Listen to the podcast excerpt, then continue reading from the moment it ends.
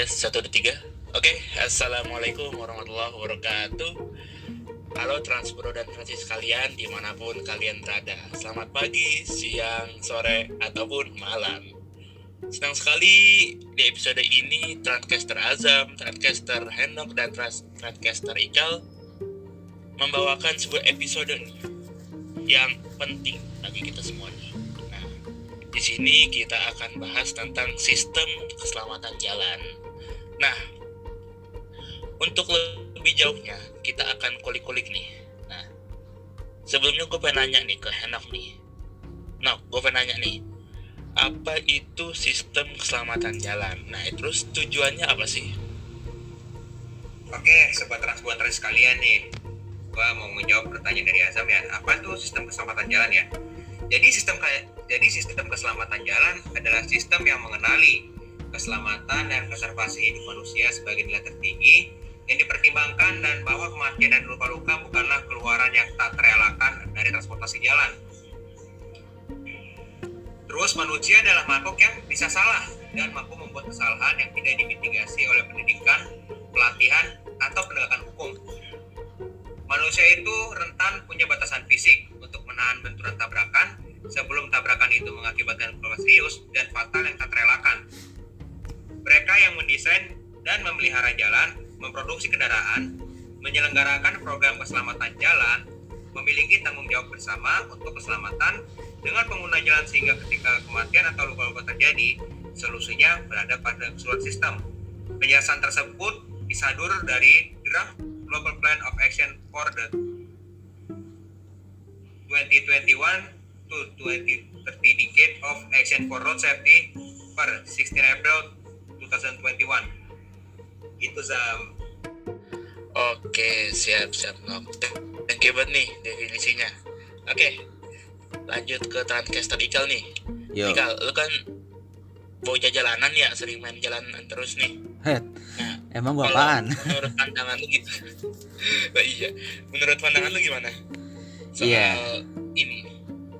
Oke Nizam ya. Jadi gue punya pendapat juga nih ya. Oh ya Transber dan Transis nih. Eh, dari tanggal 17 Mei 2021 sampai tanggal 23 Mei 2021 nih eh, UN Road Safety itu dia bikin eh, pekan keselamatan jalan nih. Pekan keselamatan jalan 2021 gitu. Nah, tema yang diusung pada eh, pekan keselamatan jalan tahun 2021 ini adalah Street for Life. Nah, apa sih Street for Life itu? Street for Life ini tuh maksudnya gini. Jadi eh, dia mengusung konsep ada namanya batas kecepatan rendah yang di diadopsi yang diadopsi dan diimplementasi ya sebenarnya tuh pada jalanan yaitu dengan kecepatan 30 km per jam atau 20 mph meter per hour ya. Nah di mana tuh orang-orang tuh bisa beraktivitas berdampingan nih dengan lalu lintas nih seperti misalnya area bermukim, area bermain dan juga area berjalan gitu ya. Nah dengan kita tuh eh mengendarai suatu kendaraan baik itu mobil, motor, truk dan lain-lain eh, di mana namanya di jalanan ya, jalanan biasa dengan kecepatan 30 km per jam itu tuh akan mereduksi dan mencegah gitu loh. Minimal mencegah nanti baru mereduksi kecelakaan lalu lintas yang lo mau tahu nggak nih datanya ada berapa nih ya? Jadi tiap 24 detik satu orang tuh meninggal akibat kecelakaan lalu lintas. Nah, makanya eh, mengasih eh, tema Street for Life tuh dengan taspat ya, kayak bahasa anak kereta gitu ya. Bahasa di kereta api tuh taspat gitu, bahasa kecepatan 30 km per jam gitu. Pakai hashtag love 30. Nah, eh gimana sih kalau kita bisa mewujudkan aksi street for life itu tuh bagi orang-orang eh, kita nih para masyarakat nih ya. Dan juga pemangku kepentingan publik atau pemangku atau penguasa lah ngomongnya lah gitu. Fas uh, regulator gitu. Nah pokoknya tuh sebisa mungkin taspat atau batas kecepatan 30 km per jam itu harus diterapin di jalan-jalan di mana masyarakat tuh tinggal, bekerja dan bermain agar terjadi keseimbangan dan keselamatan. Nah, dengan kita ini seimbang gitu. Jadi ya pejalan kaki jalan kaki dengan aman dan nyaman dan uh, apa istilahnya tuh kalau dengan 30 km per jam nih yang uh, sepedaan gitu ya sepedaan tuh kalau sepeda santai biasa aja tuh 15 tapi kalau misalnya di goesnya kencang tuh bisa 25 road bike mungkin bisa lebih kalau sepeda yang road bike ya nah itu harus ada speed limitnya. Memang kan kayak di luar negeri itu juga sama ya punya speed limit kayak misalnya di jalan tol di Indonesia juga punya speed limit tuh 80 sebenarnya. Tapi kita bahkan melanggar ya karena karena lancar gitu ya kan. Gue pun juga gitu. Lalu uh, di jalan-jalan kayak protokol model Sudirman tuh memang harusnya 30 gitu. Jadi jalanan itu akan terasa lebih teratur sih sebenarnya. Kalau misalnya kita ngomong teknisnya sih ya bisa aja. Ya pokoknya asal itu uh, siapa namanya kendaraan itu pada markanya nggak usah mau sama kanan kiri kanan kiri itu memang bakal membuat kemacetan juga ya uh, menurut kajiannya gitu. Dan pokoknya sabar aja kayak ibarat ngantri dan bawa happy gitu. Memang itu susah sih susah untuk menciptakan. Itu perlu waktu lama memang. Nah tadi yang gue bilang ada kecepatan eh batas kecepatan itu nggak cuma 30 gitu ya, ada 60 ada 25 segala macam di luar negeri kayak gitu tuh uh, speed limit 60 speed limit 45 speed limit 40 speed limit 25 kalau di pemukiman. Nah dari United Nation atau PBB dia ngasih ya ngasih speed limit 30 gitu ambil tengahnya. Jadi uh, tiap jalan tuh beda-beda gitu ya. Jangan disamain mentang-mentang jalan tol gitu ya dibikin 30 juga ya ya itu kan bebas haluan gitu loh. Nggak ada eh, nggak uh, ada simpang-simpangan di jalan tol. Masa 30 sih gitu. Nah untuk pemangku jabatan ya atau regulator juga tegakin aturan batas kecepatan gitu. Lalu misalnya nih kayak di bis-bis sekarang juga ada nih. Kayak misalnya ada speed limit gitu ada alarmnya bunyi gitu kan di dibatasi misalnya sampai 100 aja. Nggak boleh lebih gitu. Nah seharusnya itu bisa diimplementasiin juga di semua kendaraan gitu. Agar terciptanya ya patuh gitulah. Tapi kalau alarm dimatiin ya tetap aja. Ya kalau misalnya itu bawaan dari mobilnya dari motornya sih mungkin bisa gitu ya. Misalnya apa ya pakai IoT gitu loh Internet of Things. Dia memasukkan chip. Jadi misalnya kendaraan itu kalau udah speed limit dia akan turun sendiri gitu otomatis. Akan turun distabilin lagi. Ketika naik turunin lagi gitu. Nah, terus untuk masyarakat semuanya nih penting banget nih untuk meningkatkan kesadaran tentang bahaya ngebut loh. Nah, bahaya ngebut banget tuh kalau misalnya kita ngebut-ngebut, nah tiba-tiba ada orang lagi apa ya, lagi nyebrang, wah ketabrak kan kasihan gitu loh. Nah, konsep uh, dengan 30 km per jam tuh kita ngasilin apa sih gitu kan? Nah, pertama tuh uh, menciptakan aman aman untuk bagi manusia yaitu bakal mereduksikan cedera atau luka-luka akibat kecelakaan lalu lintas dan juga kematian pastinya. Kemarin sempat ada tuh orang tiba lagi nyebrang di daerah mana ya Gresik atau Lamongan gitu. Tabrak dan meninggal di tempat nauzubillah min zalik gitu. Innalillahi wa inna ilaihi rojiun. Lalu dan dengan 30 km per jam batas kecepatan itu otomatis manusia juga akan lebih sehat gitu ya. Kayak misalnya gimana sih kita ngomong ah gua nggak mau ah naik mobil naik motor. Aturannya sekarang strict banget nih. Strict banget dan um, bikin lemot gitu. Apalagi sekarang makin lama makin padat gitu. Mana suruh 30 km per jam doang lagi bawa, bawa mobil di jalanan protokol. Aduh gimana gue nyampe kantor nih? Bakal lama. Akhirnya terus uh, di kota itu misalnya transportasi udah bagus gitu ya. Ini semoga di kota-kota Indonesia tuh juga bebenah gitu loh. Dan akhirnya ya udahlah awalnya dia kayak terpaksa gitu kan. Ya udahlah gue jalan kaki lah. Ya udah gue naik sepeda deh. Mumpung bisa naik sepeda gitu. Udah, udah dikasih fasilitas umumnya nih. Trotoar yang lebar. Dengan konsep complete street gitu ya. Nah terus uh, ada jalan sepeda terproteksi. Nah ya udah akhirnya naik itu deh itu dan juga naik transportasi umum naik transportasi umum kan ujung-ujungnya juga ada jalan kakinya gitu kan. Nah kayak gitu maksudnya. Jadi tingkat kesehatan akan naik lah insya Allah gitu. Nah yang paling penting lagi adalah ramah lingkungan. Pasti yakin dong kalau kita geber itu tuh uh, pembuangan bahan bakar akan semakin tinggi kan. Apalagi kalau saya juga tinggi gitu boros. Terus juga minum mulu ibarat kata gitu pen bensin mulu gitu. Nah itu bikin polusi.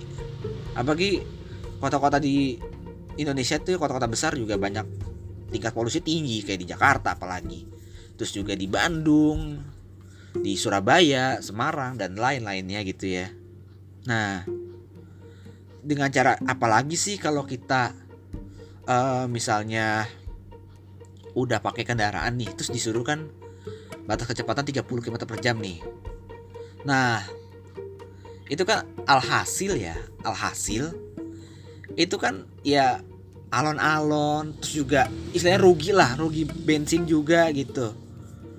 Atau mungkin lebih irit, ah gue kurang tahu sih, tapi ya terlalu alon-alon tuh ya kita kan kesel gitu ya. Nah, mungkin kita harus bisa move on gitu ke mobilitas yang nol karbon atau modelan non motorized transport gitu bagai kayak uh, sepeda terus juga otopet gitu sepeda listrik otopet listrik hoverboard bisa dan segala jenis micro mobility yang pernah kita jelasin di episode micro mobility ya.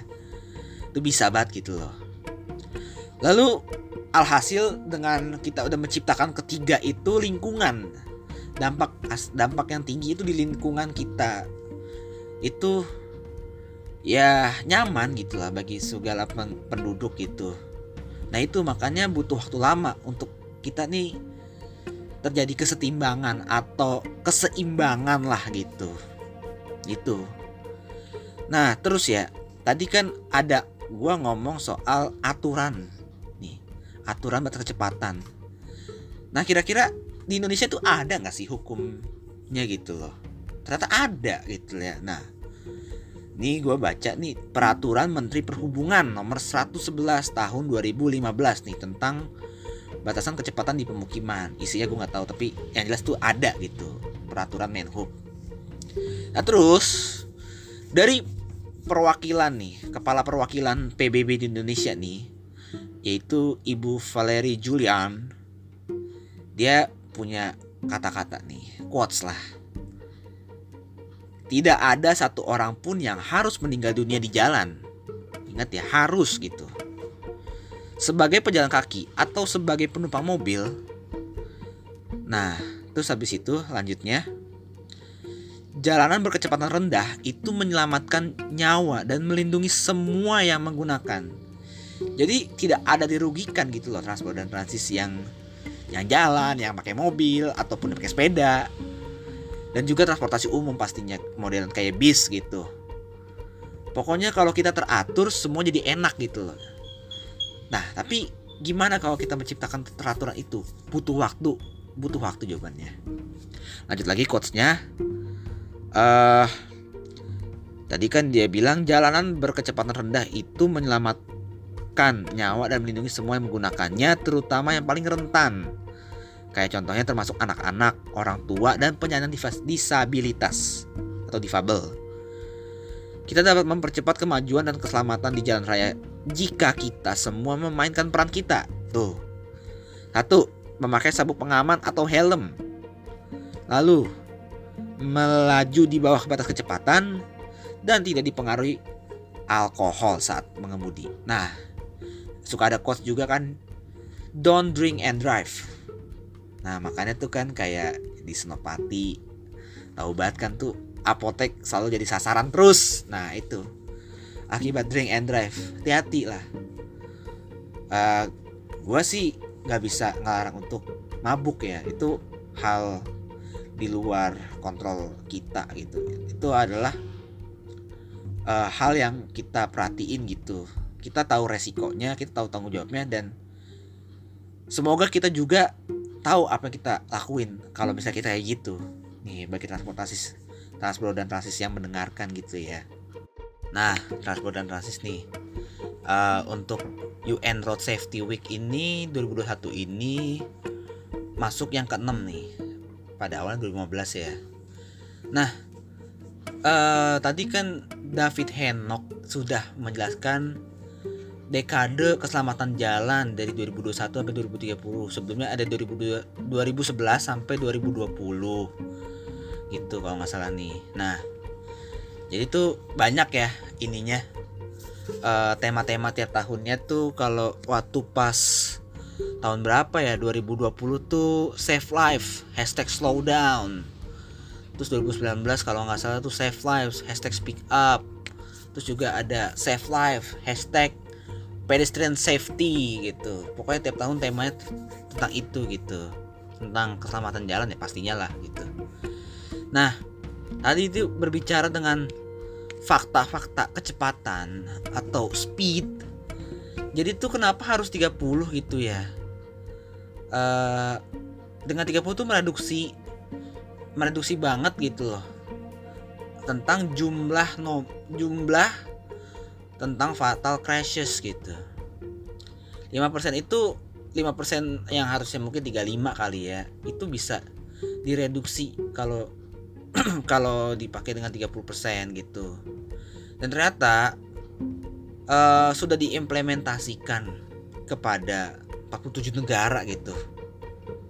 Melakukan uh, batas kecepatan 30 gitu ataupun di bawah 50 gitu. Dan ternyata uh, dengan itu emang menghasilkan uh, keseimbangan gitu pelan-pelan memang gitu loh.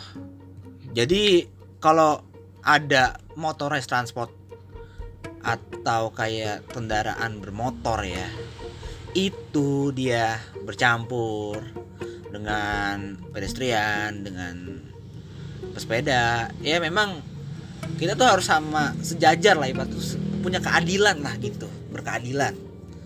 Yaitu dengan ya 30 km per jam tadi gitu. Jadi semua serba enak.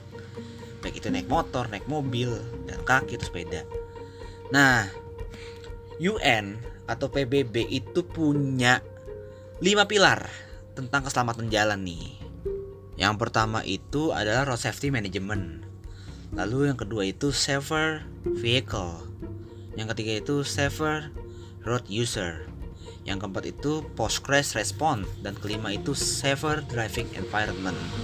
Begitu transport dan transis.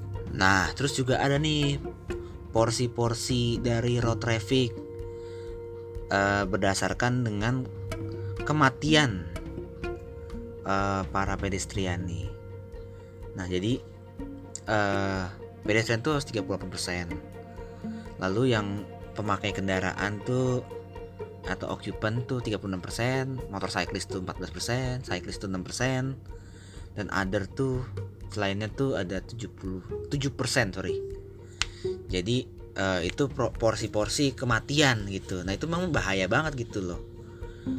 Jadi memang uh, kecepatan itu memang harus diatur biar seimbang gitu lagi-lagi gue bilang. Nah, gue sih punya pendapat juga ya, kayak kita juga tanya-tanya nih sama transcaster di sini nih. Uh, gimana sih kondisi apa ya jalanan gitu di daerah-daerah mereka nih? Eh apakah tingkat keselamatannya itu bisa dibilang tinggi atau sangat-sangat rendah gitu nih? Kalau dari gua dulu ya nih di dekat rumah gua ya eh, daerah Bintaro Tangsel tuh kalau ngeliat fasilitas umumnya infrastrukturnya juga masih kurang. Untuk jalanannya juga masih kurang gitu loh. Eh, trotoar ataupun ya ininya lah.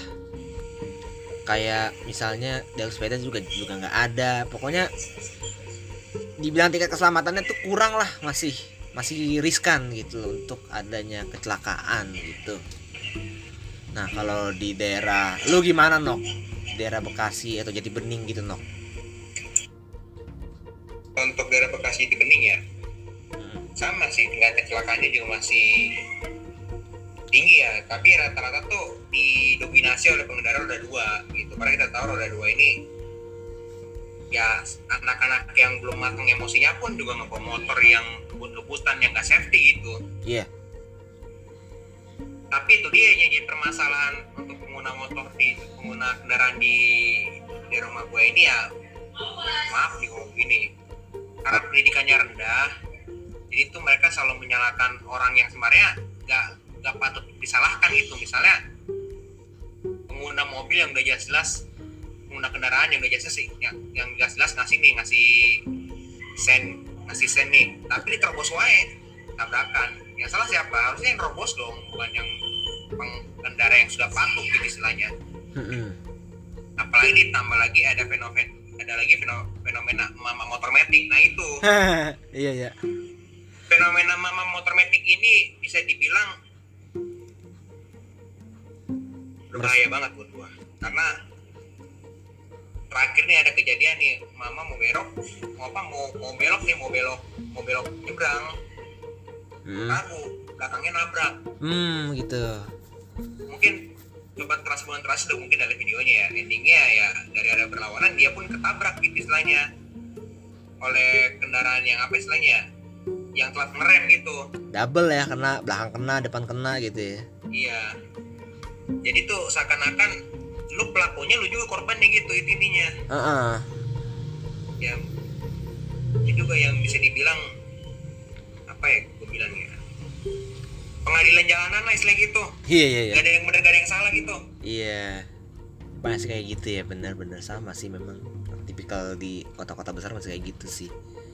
Bahkan ya kalau ngomongin tadi gue tambahin sedikit nih jalur sepeda di daerah Bintaro Jaya ya di daerah Tangsel tuh.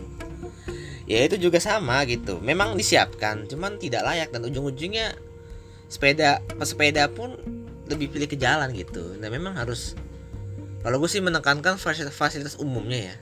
Mungkin kalau dari Henok lebih mikirnya ke perilaku pengendara. Kalau gue di fasilitas umumnya yang mungkin lebih ditingkat, ditingkatkan distandarisasi gitu loh. Kalau kan standarisasi apa apa nyontoh Jakarta gitu.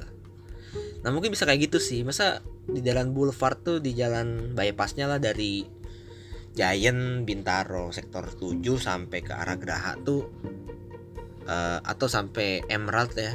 Itu jalan sepedanya tuh bergelombang gitu naik turun. Ya memang mungkin banyak lebih mempentingin fitur estetika samping-samping gitu ya kayak rumput-rumputnya hijau. Tapi kan lagi-lagi ini kan orang ada yang mau commute ada orang yang mau olahraga. Itu juga harus diperhatiin gitu loh. Jadi jangan nyampur gitu. Dan menurut gue juga fasilitas untuk pejalan kakinya juga masih kecil sih. Sempit gitu loh. Tapi kalau lagi lari pagi gitu loh. Misalnya kalau di Sudirman nggak ada CFD aja udah udah enak gitu loh. Bisa lari lari pagi bisa sepedaan dengan nyaman. Nah itu di daerah-daerah lain yang mungkin sepi gitu ya. Harusnya juga bisa lebih lebih bisa gitu loh. Di daerah pemukiman dan di daerah mana ya ya penyangga-penyangga lainnya gitu nah kali ini gue mau nanya ke Azam nih di daerah Parung dan Pamulang tuh bagaimana Jam untuk sistem keselamatan jalannya Jam Oke, dimulai dari tempat gua molor ya.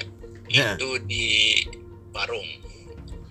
Gunung Sindur, eh, pokoknya Bogor pinggiran lah kita orang Bogor pinggiran mepet ke Tangsel. Nah, untuk keselamatan ya aduh ya bisa dibilang sangat rendah kenapa rata-rata pengendara sepeda motor itu lebih dari kecepatannya itu 50 Mm. Nah, yang lebih apa ya? Lebih bahayanya tuh di sini tuh banyak truk-truk pasir betul gali tanah itu walaupun udah ada jamnya dari jam 8 tuh jam 8 malam udah mulai keluar tapi masih ada beh itu yang lewat siang pagi sore. Nah jadi banyak angka eh, jadi angka kecelakaan itu tinggi gara-gara rata-rata sih ya an- melibatkan truk sama pengguna motor gitu. Suka tabrakan gitu masih ya? Hah? suka tabrakan? Iya. Masih padahal kan jalannya udah bagus tuh dibanding dulu ya masih ancur-ancuran gitu. Udah cor-coran kan sekarang tuh. Udah full cor-coran. Nah Heeh. tapi ya dari situ jadinya para pengguna jalan tuh enak aja gitu ngebut. Mm-mm. motor salah satunya. Terus Mm-mm. juga apa ya rambu-rambu tuh kayak minim. Dan juga maintenance-nya tuh kurang. Mm-mm, gitu. Nah itu di sekitaran tempat gua tinggal ya di Parung. Nah kalau Pamulang ya Pamulang lah pasti Transpro dan Transis udah kenal lah ya. Eh padat padat padat. Motornya banyak. Terus untuk tingkat keselamatannya sih dibilang ya apa ya? Menurut lu gimana kau kalau melihat Pamulang gitu. Kalau gue liat Pamulang Ciputat dan Tangsel layaknya sih ya memang ada beberapa yang apa ya fasilitas kayak trotoarnya sih udah mulai bebenah ya meskipun masih kecil gitu seenggaknya ya sesuai standarisasi lah gitu. Cuman ya masih aja kayak model-modelan angkot ngetem gitu-gitu masih ada lah gitu ya Ya. kan. itu mungkin iya. ya. Itu trotoar ya? Heeh, trotoar ada kan ya? Heeh. tapi isinya eh, tapi isi trotoar tuh pelang ya? Pelang orang jualan gitu. Nah iya. Mau lewat mana ini kita? Itu. Terus juga jalan-jalan gede tapi apa ya markanya hilang ya kan kagak ada gitu. Ya sudah kadang gimana ya Indonesia dikasih jalan bagus wah asik nih jalan udah keren nih bisa kenceng. Nah suka gitu. Loh jalan bagus memang berasa kayak tol cuman ya membahayakan gitu. Mungkin kalau jalan-jalan gimana? Tadi gue bilang kan ada tipe-tipe jalan tuh punya speed limit masing-masing ya harusnya ya ya kalau jalan tol speed limitnya berapa? Jalan nasional speednya berapa? Jalan provinsi speednya berapa? Jalan kota atau jalan kabupaten speednya berapa? Gitu loh. Kalau jalan rumah lu kan jalan provinsi gitu loh. Jalan provinsi. Ya, mungkin speed limitnya ya ditentuin lah gitu. Dan btw kalau lu ngomong tadi ada rambu-rambu betul sih. Tadi gue lupa mention so itu. Kayak contohnya speed trap terus kayak bisa rambu zona anak selamat sekolah. Terus juga kalau menurut gue sih speed trap tuh paling gitu karena ketika orang menginjak speed trap tuh otomatis kita langsung ngerem gitu secara refleks. Yang deg deg deg gitu loh bunyinya tuh tahu kan lo yang warna putih? Iya. Nah terus kalau mana namanya tuh mungkin speed bump atau bahasa sini ya polisi tidur Iya, atau gitu jenggelengan Jenglengan. jegrukan apalah itu itu juga Oh, iya, penting gue pengen nambahin nih nambahin dikit lah apa tuh kan kalau di daerah Henak di planet Henak kan Hmm. itu fenomenanya emak-emak Ah, ah. kalau di gua nih fenomenanya itu sering balapan liar nih Wah, sik mantap. lurusannya enak banget pokoknya Ngedrak ya, ngedrak. Iya gitulah Ah, ah. malam-malam berisik banget nah itu udah dikasih apa tadi tuh yang Speed trap. Je- iya itu Heeh. dari aspal. Heeh. besoknya dibongkar. Oh, ah yang dibongkar? Barusan semalam dipasang besok kok udah nggak ada lagi tuh. Siapa yang bongkar? Itu. Iya. Ya, karena juga ada speed trap yang apa modal biasa pakai ban ban di dikeletekin kan di dipanjangin tuh terus dipakuin dah. Atau nggak dibor. gitu ya. ada juga tuh kayak gitu kan ya emang ada standarisasi lagi sih nanti kita bahas gitu. Cuman yang ini nih memang eh, apa ya infrastruktur penyangga kayak rambu-rambu marka itu penting banget gitu. Dan gua harap sih semua orang tuh harus paham gitu. Setahu gua pas lagi kita bikin sim dipelajarin gituan gitu loh. Gitu loh.